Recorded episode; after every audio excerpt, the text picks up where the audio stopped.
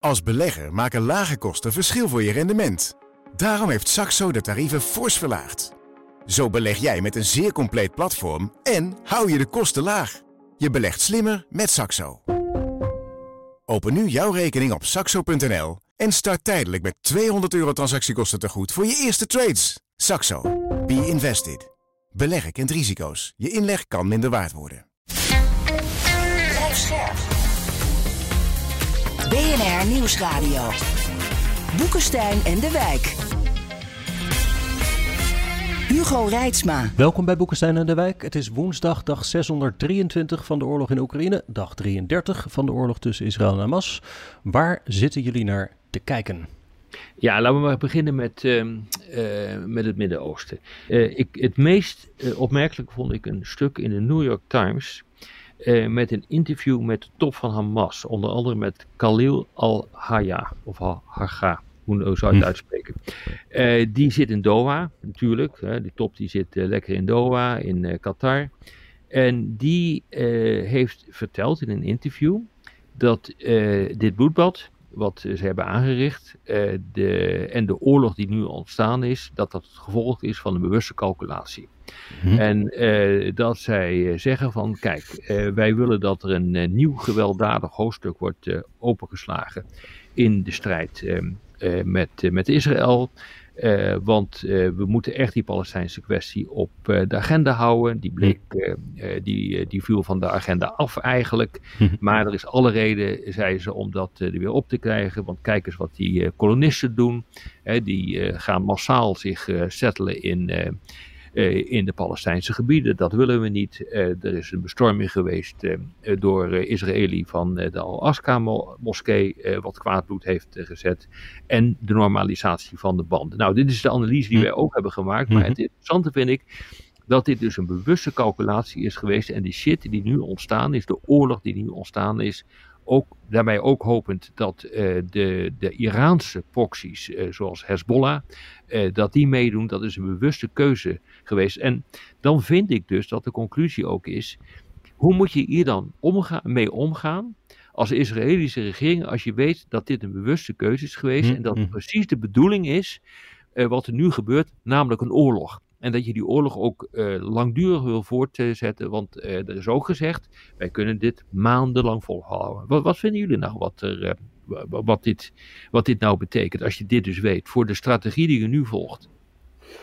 Ja, dat is een goede vraag. Um, even nog samenvattend. Het gaat er dus om dat deze mensen van Hamas zijn tegen de bestaande status quo. Hè? Dat ja. Ja, het is echt het bewust veranderen van de status quo eigenlijk. Ja, Klopt. Dus, dus alles zat uh, vast. Hè? En ook nog de normalisatie met Saoedi-Arabië komt erbij.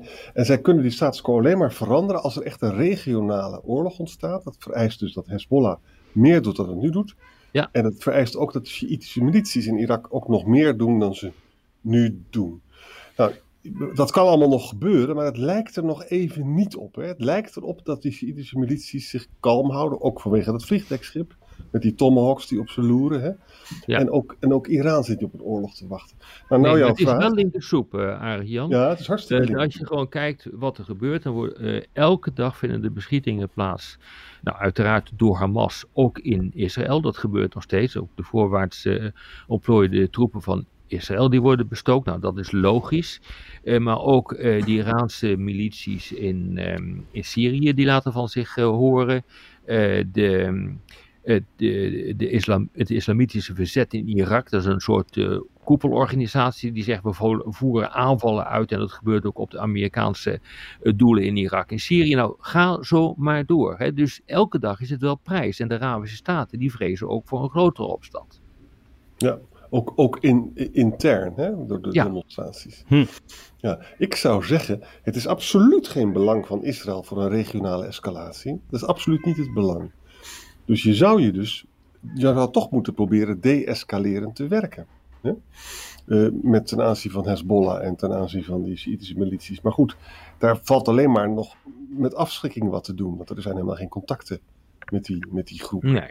Nou ja, kijk, ik, ik zit er ook over na te denken. Dus uh, er is dus een controverse tussen Amerika en Israël. Amerika die zegt, tut, tut, moet het nou op deze manier... Uh, kijk een beetje uit met dat gebombardeer ga ook voor humanitaire pauzes en zorg ervoor dat je niet al te veel burgers raakt. Maar als je dit weet, dan zit je wel in een redelijk probleem als Israëlische regering. want natuurlijk is het zo dat de, Hamas dit begonnen is. En dan zit je natuurlijk wel in een situatie, als je weet dat dit een bewuste keuze is om het zodanig uit de hand te laten lopen en zo te provoceren naar een alomvattende oorlog, dat dan je doelstelling wordt om, het, om Hamas totaal uh, te vernietigen. Ik kan me daar wel iets bij voorstellen, moet ik eerlijk eh, zeggen. En dan zeg je ook als Israëlische regering, nou maar even geen, uh, geen pauzes in die strijd, want dat zorgt ervoor dat Hamas kan hergroeperen. Volgens mij is het een duivels dilemma hoor, dit. Zit Israël niet zelfs zonder een regionale oorlog in de klem? Want ze, ze zitten nu in de Gazastrook. Ze komen daar nooit meer uit zonder het aan iemand over te dragen als de Palestijnse autoriteit of andere Arabische landen of wat dan ook. En die zullen daar dan eisen aan stellen. En dan ligt dus die twee-staten-oplossing weer op tafel. En dat was nou juist niet de bedoeling volgens mij van Netanyahu. Ja, maar uiteindelijk, is, maar uiteindelijk is het voor Israël natuurlijk toch ook beter. Een, een, een duurzame twee-staten-oplossing lijkt mij stabieler dan het gras maaien in de, af en toe elk, om de paar jaar in, in de Gazastrook. Ik, vind gewoon dat Netanyahu daar een verkeerde, een, niet, geen duurzame op, uh, politieke oplossing heeft gekozen. Maar Blinken heeft zich toch ook op die uh, manier uitgelaten. Die vindt ook dat uiteindelijk de Westbank, de, de, sorry, Gaza onder het bestuur moet komen van de Palestijnse autoriteit. Hij, heeft bij, de, bij de G7 heeft hij wat voorwaarden uitgesproken, namelijk geen verplaatsing van Palestijnen naar buiten Gaza. Het mag niet opnieuw worden bezet, geblokkeerd of belegerd, dus ook niet terug naar de vorige status quo. Het grondgebied mag niet kleiner worden. En Blinken heeft dat gezegd nadat Netanyahu zei, wij blijven daar zo lang als nodig is. Ja. En daar waren de Amerikanen dus niet mee eens. Dus zie je een beetje tit voor tet krijg je dan, hè, tussen de Amerikanen en Israël. Ja. En, en ik denk dat hij gelijk heeft. Alleen moet je wel even voorstellen hoe hilarisch het eigenlijk allemaal is. Hè? Abbas is nog niet eens burgemeester in Ramallah. En die is hoogst impopulair, ook op de Gazastrook. Dus daar moet, daar moet dus gewoon iemand anders komen. En dan, moeten er, en dan moeten er verkiezingen komen. En dan niemand weet op wie, op wie, wie er gestemd gaat worden dan. Hè? Want de mensen in de Gazastrook zijn natuurlijk ongelooflijk kwaad. Uh, uh, ook op de Palestijnse autoriteit. Ja. Het, is, het is werkelijk heel erg lastig, maar goed. Nou ja, dat betekent dus uh, dat er heel lang gevochten moet worden. Uh, wat Netanyahu heeft uh, gezegd, dat ze gedurende een behoorlijke periode het bestuur, dan wel de veiligheid van de Gazastrook op zich willen nemen. Ja, volgens mij heb je ook geen andere mogelijkheid om dat te doen. je wil dus niet terug naar de Hamas het Hamas-bestuur. Want als het goed is, is Hamas niet meer uh, bij machten om te besturen. Uh, ik denk dat het onomkoombaar is om uiteindelijk het inderdaad, wat Blinken zegt, over te dragen aan de Palestijnse autoriteit. Maar die moet dan wel worden verstevigd. Maar je moet in een, in een situatie die komen gaat, uh, is Israël gewoon verplicht om daar voor de veiligheid te gaan zorgen. Ik kan het niet anders zien. Nee. Wie moet het anders doen? En kijk, als je een ander land binnenvalt dat hebben de Amerikanen gemerkt toen ze Irak binnenvielen. Dan ben je ook verantwoordelijk voor de situatie die je aanricht. En dan moet je voor de veiligheid te zorgen. Uh, dat is, in, uh, dat is uh, in Gaza is dat niet veel anders hoor. Israël heeft volgens mij ook, maar ik ben geen jurist, maar volgens mij heeft ze ook de juridische verplichting om dan voor de veiligheid te zorgen. Ja, hm. alleen wat ik me afvraag jongens, van, er zijn natuurlijk nu al Hamas-leiders die naar het zuiden zijn gegaan. Hè? Er zijn natuurlijk nu al mensen of die, misschien zelfs wel proberen naar Egypte te gaan. Is het niet zo dat het gewoon toch weer een vicieuze cirkel wordt? Dat, dat de asymmetrie gewoon allemaal weer terugkomt straks? Of is het daadwerkelijk mogelijk om het echt helemaal uit te roeien? Ik weet dat nog steeds niet. Ik denk dat het niet mogelijk is om het uit te roeien. Uh, je kunt het wel, uh, kijk wat er is gebeurd met andere terroristische bewegingen, met Al-Qaeda, met IS. Uh, die kun je wel een kopje kleiner maken, maar je roeit ze niet uit. Het, het probleem verplaatst zich ook vaak. En uh, in dit geval kan het probleem zich tamelijk lastig verplaatsen, omdat uh, Hamas gebonden is aan Gaza. Die kunnen niet gaan, uh, gaan optreden uit Zuid-Afrika, ik noem maar wat. ik bedoel, dat, dat, zullen ze ook niet gaan doen, maar je begrijpt wat ik bedoel. Dat hebben we met uh, met uh, Al-Qaeda gezien. Uh, toen Al-Qaeda in het grensgebied van, Tali van ehm, Afghanistan en ehm, Pakistan een kopje kleiner is gemaakt, dan zie je dat zo'n organisatie zich gaat aanpassen en gaat verspreiden over de hele wereld. Dat heeft de IS ook gedaan. Dus, ja. dat, um, dus dat, dat roei je niet uit. En dat gedachtegoed roei je al helemaal niet uit. En je realiseer je ook dat nogal wat Gazanen echt Hamas steunen. Hmm, kortom, het is dus eigenlijk nu al uh, 3-0 voor Hamas, zeg maar. Alleen over de rug van heel veel onschuldige burgers. Ja, het grootste deel Palestijnen. Dat is een belangrijk punt, Hugo. Eh, als Hamas dit dus uh, heeft ingecalculeerd en dit bloedbad wilde en ook uh, wist dat deze reactie er op deze manier zou gaan komen, dan valt Hamas natuurlijk veel aan te rekenen ten aanzien van de eigen burgers. Ja. ja. Misschien nog even te melden, uh, zijn allemaal nog maar geruchten, maar het zijn er wel heel veel. Dat in Qatar weer wordt onderhandeld met Amerikaanse bijstand over een gevechtspauze versus vrijlating van gijzelaars. En grappig genoeg, zowel Axios, AFP en een of ander Hezbollah-kanaaltje, meldt dan weer de Israëlische pers, uh, heeft het over tussen de 10 en de 15 gijzelaars. Zou voor, mogelijk... een pauze van drie dagen? Daar zou Biden volgens Axios goed geïnformeerde Amerikaanse website op hebben aangedrongen. Dat, dat wil Biden. Dat stond niet in die AFP en Hezbollah kanalen. Maar die hebben het dus over een, een tijdelijk bestand in ruil voor 10 à 15 gijzelaars. Voor, voor drie dagen, zeg je? Nou, dan zou ik al weten wat ik uh, als Hamas uh, zou doen. Dat, uh, dat zou ik pakken en ik zou die drie dagen gebruiken om het te hergroeperen. Ja. En die tien, die tien gijzelaars, die ben ik liever kwijt dan rijk. Dus dat is een fantastische ruil in het voordeel van Hamas. Dat zou je zeggen. Ja, dat zou, dat zou ik wel denken. Ja. Nou, uh, door naar de volgende oorlog. Ja. de vorige dan eigenlijk. Nog één oorlog te gaan uh, vanavond. Ja. Nog even een paar, paar, kleine dingetjes. Misschien Israël heeft uh, Mozen Abu Sina vermoord. Dat is de rakettenman, de rakettenmaker hè, vanuit de Gazastrook. Hm. En Israël claimt nu dat ze 130 Hamas-tunnels hebben vernietigd. Maar er zijn natuurlijk veel meer tunnels daar. Hè. Hm. En in de Noord-Gaza, zegt de, eh, de, Guardian zegt zijn nog maar 100.000 burgers, normaal dus 1,1 miljoen. En New York Times praat over 350.000. En gisteravond zagen we nog dat er dan 15.000 burgers weggingen op, op die uh, ja. weg. Hè? Ja. Maar er zitten nog heel veel mensen daar. Ja, en Israël, of uh, de Israëlische uh, strijdkrachten, die zijn doorgedrongen nu tot het centrum van de Gaza-stad. dus ja. ze hebben het eerst omsingeld. Clearingoperatie. Uh, en nu gaan ze dat uh, ook uitvoeren in het centrum van de stad. Een derde van de gebouwen is verwoest hè, op dit ogenblik. Ja, het is ongelooflijk. Beschadigd. Ja. En nog één ding, jongens. De Duitse defensie-export naar Israël is vertienvoudigd. Hè? En Nederland levert ook reserveonderdelen voor de F-35. Oh, daar was gedoe over, hè? Ja, in NRC stond dat. Ik denk dus dat dit soort dingen. die gaan ook als een splijtzwarm splijtsamenwerken in onze eigen samenleving. Hè? Mm. Ik zag het ook in Londen, dus die, er zijn voortdurend van die Palestinian marches. Hè? Ja. Maar nu, nu kondigt dus die Tommy Robinson aan, die uh, hele rechtse jongen van de English Defence League. Die gaat dan op Armistice Day gaat die, die Palestinian marches uh, ontregelen, of nog erger. Ik denk dat we dat veel meer gaan zien. Spanningen tussen pro- en, en anti-Israël groeperingen in onze ja. eigen samenleving. Ja, dat denk ik ook, ja. Ja, dit moet uh, vrij snel afgelopen zijn hoor, want het, is, het werkt ontwrichten, niet alleen voor de regio, maar ook uh, voor Europa zelf. Ja. Goed, Oekraïne dan. Uh, moeten we denk ik weer kijken naar Gerson, waar onze blik al wat langer op gericht was. Naar de ja. Oekraïners die de, de Dnieper over waren gestoken. Toch met, met wat meer dan een paar kleine groepjes, geloof ik. Hè? Ja, met compagnieën. En totaal zit er dan een, een, een, een bataljon. Een bataljon bestaat uit een aantal compagnieën. En uh, als je het hebt over een bataljon, dan praat je over een, een, een man of 400, 500 in dit geval. Hm. Um, die, die, ze kunnen ook wat groter zijn, maar ik denk dat het, tot, uh, dat, dat het dat ongeveer is. Nou, het, het, uh, het uh, opmerkelijke van uh, die operatie is dat men nu ook in staat is geweest om panzervoertuigen de Dnieper over te zetten. Hm.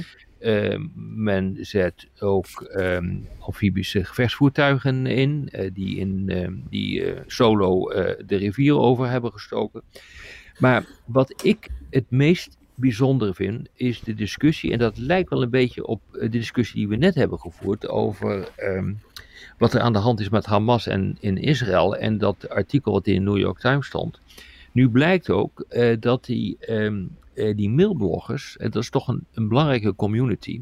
In Rusland? In, ja. in Rusland, die hebben vrij veel invloed. En die, ehm, interessant genoeg kan je die ook op een aantal punten best wel vertrouwen. Want die hm. zitten daarin en die zitten er ook met de zegen van, van het Kremlin. Maar die, die doen in een aantal gevallen best wel aan redelijke verslaggeving.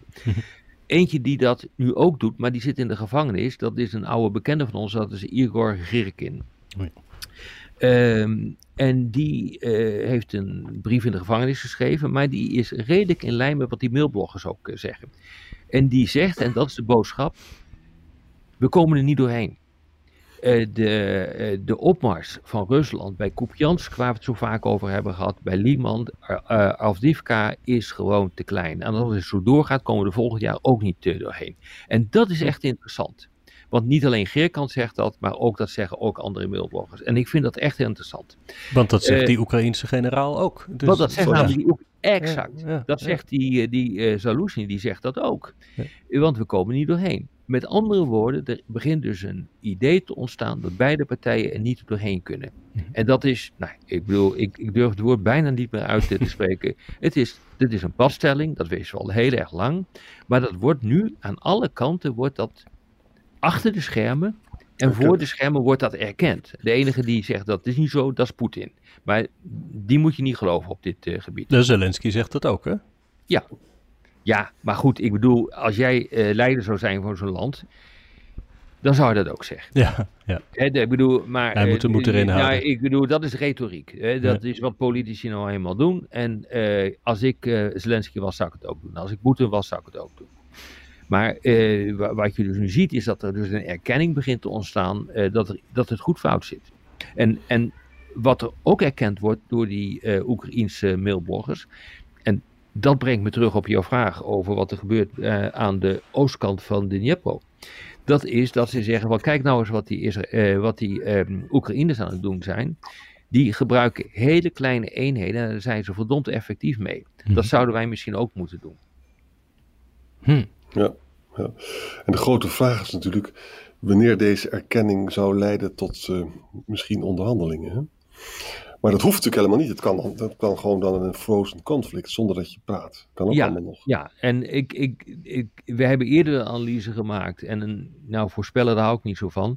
Maar een plausibel scenario gegeven. Dus het zit dan vast aan het front. Uh, en dat betekent dat als je wat gaat doen, dan moet je dat asymmetrisch doen. Dus dan moet je niet nog harder gaan vechten aan het front, omdat dat alleen maar doden, doden oplevert en daar heb, je, daar heb je niks aan. Oekraïne die uh, verhevigt de aanvallen op de Krim. Daar moet je, een, uh, wat we eerder hebben gezegd, daar moet je een onplezierige plek voor maken van Russen. Dat gebeurt dus nu ook. En de uh, Russen, die vallen de infrastructuur aan, elektriciteitsvoorziening, watervoorziening en de gaantransporten van, van de Oekraïne. Dat is denk ik ongeveer het scenario wat we de komende tijd zullen zien. Ja, en ja, dat is een zinloze bezigheid om dat uh, voor elkaar te krijgen. En als je dan maar voldoende kapot maakt op de Krim, dan mag je hopen dat dat een incentive is voor uh, Poetin om toch te gaan onderhandelen. Ja, maar garanties zijn er niet. Nee, zeker, zeker, niet. Hm. Hm. Maar het zou niet verbazen, uh, jongens, als dit, als dit de strategie is die erachter zit. Ja. Er was vandaag een hoge Chinese generaal op bezoek bij Poetin. Nou, wij weten dus dat China een beetje afstand wil houden van van Rusland. Hè? En Poetin kwam dus met een heel cryptisch zinnetje. Militaire samenwerking tussen China en Rusland, dat zal aan belang winnen. Maar het wordt geen koude oorlogstijl militaire alliantie. Nou, daar zit dus al die matiging in. En ik denk dus dat China daarop aandringt. Dat, dat, dat, een beetje, dat er een beetje distantie is. Denk je niet, Rob? Ja, ik denk dat het zo is. En uh, ja, ik heb ook met, met Chinezen gesproken. En uh, mensen met een officiële positie. En uh, ook gevraagd van, houden jullie nou echt van die Russen? Daar krijg ik nou niet echt een volmondig antwoord op. Nee. Ja. En één, één iemand zei mij, nee, daar houden we niet zo van. Dus dat zou, uh, dat zou, dat zou redelijk in dit beeld passen. Ja. ja. Zeg, we moeten eens kijken naar uh, de Europese Unie. Want waar we veel klagen over gebrek aan daadkracht als het gaat om militaire zaken, pakken ze met bestuurlijke zaken wel uh, door. De Europese Commissie beveelt nu aan toetredingsonderhandelingen te beginnen met Oekraïne en Moldavië voor lidmaatschap. Georgië krijgt de kandidaatstatus. Bosnië-Herzegovina kan starten met onderhandelen als aan nog een paar voorwaarden is voldaan. En nog apart hiervan uh, wordt er iets gerekeld, ger, geregeld voor de westelijke Balkan. Dat is landen daar die nog niet toe zijn aan toetreding, dat die al wel mogelijk toegang kunnen krijgen tot de vrije markt van de EU. En wordt extra geld uitgetrokken om ook daar dus invloed van Rusland en, en bijvoorbeeld China tegen te gaan. Ja. Ik denk goed, het is slechts een advies van de Europese Commissie aan de Raad. Hè? En in de Raad kan dus één land kan dat allemaal tegenhouden. Zoals Hongarije. Ja, en ik ben ontzettend bang dat hij dat gaat, weer gaat doen, uh, Orbán. Ja. ja. Dus dat is. Uh, en, en, en als we dit allemaal doen, dan moeten we ook als de hazenwindhond moeten we gaan hervormen. Nou, dat wordt helemaal een lastige klus, want dat gaat dus geld kosten bij sommige lidstaten. Ja, ja. Dus ja en ze moeten dus aan die Kopenhagen-criteria gaan voldoen. Ik raad iedereen aan om die eens even op te zoeken. En dan kun je het lijstje gewoon aflopen. Dat zijn. Uh, een lange lijst. ja. ja, dat zijn eisen ten aanzien van de rechtsstaat, ten aanzien van de markteconomie. Uh, je moet het zogenaamde EU-acquis, moet je uh, bij, tijdens de onderhandelingen moet je accepteren dat het acquis is. Nou, wat is het, 70.000 pagina's of zo? Ja, Zoiets, uh, dus je bent wel even gezellig bezig hoor, een tijdje mm. om dat voor elkaar te krijgen. Nee, dus het is niet morgen voor elkaar natuurlijk. Dit is maar niet morgen voor elkaar. De gesprekken gaan beginnen, dat is dan nu de aanbeveling van de commissie. Ja, in datzelfde stuk van, van von der Leyen worden ook opmerkingen gemaakt over de westelijke Balkan Montenegro, Servië, Noord-Macedonië, Albanië. Nou ja, landen als Albanië, die vinden van zichzelf dat ze al lang bij hebben hadden moeten zitten. Die, uh, uh, maar dat wordt geblokkeerd. En dat, zijn, dat wordt geblokkeerd ook bijvoorbeeld door Nederland ja. of door Frankrijk. dus het is helemaal niet zo dat wanneer je helemaal verschrikkelijk je best doet om je te kwalificeren voor lidmaatschap, dat je het ook daadwerkelijk krijgt. Want er is er altijd wel iets uh, waardoor het, uh, uh, het niet doorgaat. Hè. In, het, in het geval van Albanië werd er gezegd van ja, het zijn allemaal criminelen die vanuit Albanië naar ons toe komen en dat wordt alleen maar erger als we nou enzovoort enzovoort. Dat mm soort discussies krijg je dan, of het nou wel of niet waar is. maar ja, dat wordt er aangegrepen om zo'n land er niet bij te willen krijgen. En dat gaat mm ook gewoon gebeuren met Moldavië en met, met Oekraïne. Dat kan bijna niet anders. Ja. Zelensky twitterde vandaag dat hij er persoonlijk zorg voor zal dragen dat al die hervormingen zullen worden doorgevoerd om de corruptie te verminderen. Ja, nou, ze hebben wel vordering gemaakt hoor. En, ja. uh, en, en, het is al een hele tijd uh, dat ze daarmee bezig zijn. Ja, en uh, de, dan voordat het echt gebeurt, moet denk ik ook nog eventjes de oorlog afgelopen zijn, toch? Want een lidstaat ja. toelaten tot de Unie als het nog in oorlog is, dan ehm, komen we ook misschien zelf ook wel in oorlog. Ik heb gekeken of dat specifiek staat in die, uh, uh, in die uh, Kopenhagen-richtlijnen. het kan zijn dat ik iets over hoofd heb gezien, ehm, maar staat er niet in volgens mij. maar volgens mij is het... NAVO staat het, hè? De bij de NAVO staat het. Bij de NAVO staat het. Ja. ja. maar de EU heeft ook een bijstandsclausule, die dus zou betekenen dat. Maar natuurlijk. Dan... Ja, ja. Twee, artikel 42.7 volgens mij. Ja, dat, um, dat is zo. Dus um, ik zou ook uh, iedereen wel even twee keer nadenken om uh, uh, te laten nadenken om zo'n land erbij te halen als het nog in oorlog is. Want en dat geldt trouwens ook voor Moldavië trouwens. Hè? Want daarvan wordt ja. dus dat Trans Transnistrië, zo'n strookje ja. land, ook door de Russen bezet. Dat klopt. Dus je hoopt dat dit zo lang duurt dat de problemen zijn opgelost. Maar dat vraag ik me echt af. Want als Arend Jan gelijk krijgt, en ik denk dat hij gelijk krijgt, als hij zegt van het zal me voor een conflict kunnen worden en ja. Georgië trouwens ook, hè? Daar, daar zitten ook nog stukken van. De, dus ja. ja. Ja, nee, dat is gewoon een. Dit zijn hersenkrakers hoe je dit gaat doen. Dus ik denk dat je gewoon A en B-leden gaat krijgen. Dus je krijgt een. Uh, uh, je krijgt leden waar een deel van het acquis, dus datgene wat de Europese Unie allemaal aan regels heeft bedacht, dat, dat wordt aan, aanvaard. Dus je krijgt een, een Europa van meerdere snelheden. Ik, ik mm-hmm. denk dat je zoiets gaat krijgen. En hoe dat er precies uitziet, weet ik niet. Ja. Maar dus nog even terug, zou je niet kunnen zeggen dat, dat dit dus eigenlijk wel vrij daadkrachtig is van Europa, waar dat op militair terrein niet is? Zijn dit toch behoorlijk, behoorlijk uh, bijzondere stappen? Ja, maar het is alleen maar de Europese Commissie. Het is alleen maar een advies aan de Raad. Hè? De Mhm. Raad besluit. En daar is het vetorecht nog. Dus ik denk dat we van een koude kermis thuiskomen. Ja, dat kan. Kijk, het punt is, eh, ik, ik vrees dat ook, Arend Jan, eh, maar het punt is natuurlijk, eh, dit is nu puur geopolitiek. En eh, de andere, eh, de vorige uitbreidingsrondes, die gingen over het verbreden van, eh, laten we zeggen, het aantal ene, eh, eh, democratieën, het aantal rechtsstaten in, in Europa. Hè. Dus je wilde die, die, die, die zone van, van, van vrede, van veiligheid, van democratie, die in dat idee aan elkaar was gekoppeld, die wilde je vergroten. Hè, dat is ook een van de redenen geweest om dat te starten in de jaren negentig van de, de vorige eeuw. Maar dit is puur geopolitiek. Dit is gericht op Rusland. Dus eh, ik ben dus echt benieuwd, hè, want eh, Von der Leyen die begint te roepen van ja, nee, dit is natuurlijk eh, een geopolitieke unie geworden en dat heeft- kunnen we allemaal zien. Nou, dit moet dan wel het bewijs van, vorm, eh, van vormen. Als dit inderdaad gebeurt en de lidstaten gaan hiermee akkoord, ja, dan maak je een stap in de richting van een geopolitieke unie. Maar je moet van die vetorechten af. Hè? Dat is gewoon ellende. Ja, ja, of je moet van Hongarije af. Hè? Ja. Nou, eh, genoeg voor vandaag. Mensen die de hond aan het uitlaten zijn met Boekenstein en de Wijk, die mogen weer naar binnen. Tot morgen. Tot morgen. morgen. Als belegger maken lage kosten verschil voor je rendement. Daarom heeft Saxo de tarieven fors verlaagd. Zo beleg jij met een zeer compleet platform en hou je de kosten laag. Je belegt slimmer met Saxo. Open nu jouw rekening op saxo.nl en start tijdelijk met 200 euro transactiekosten te goed voor je eerste trades. Saxo. Be invested. Beleggen kent risico's. Je inleg kan minder waard worden.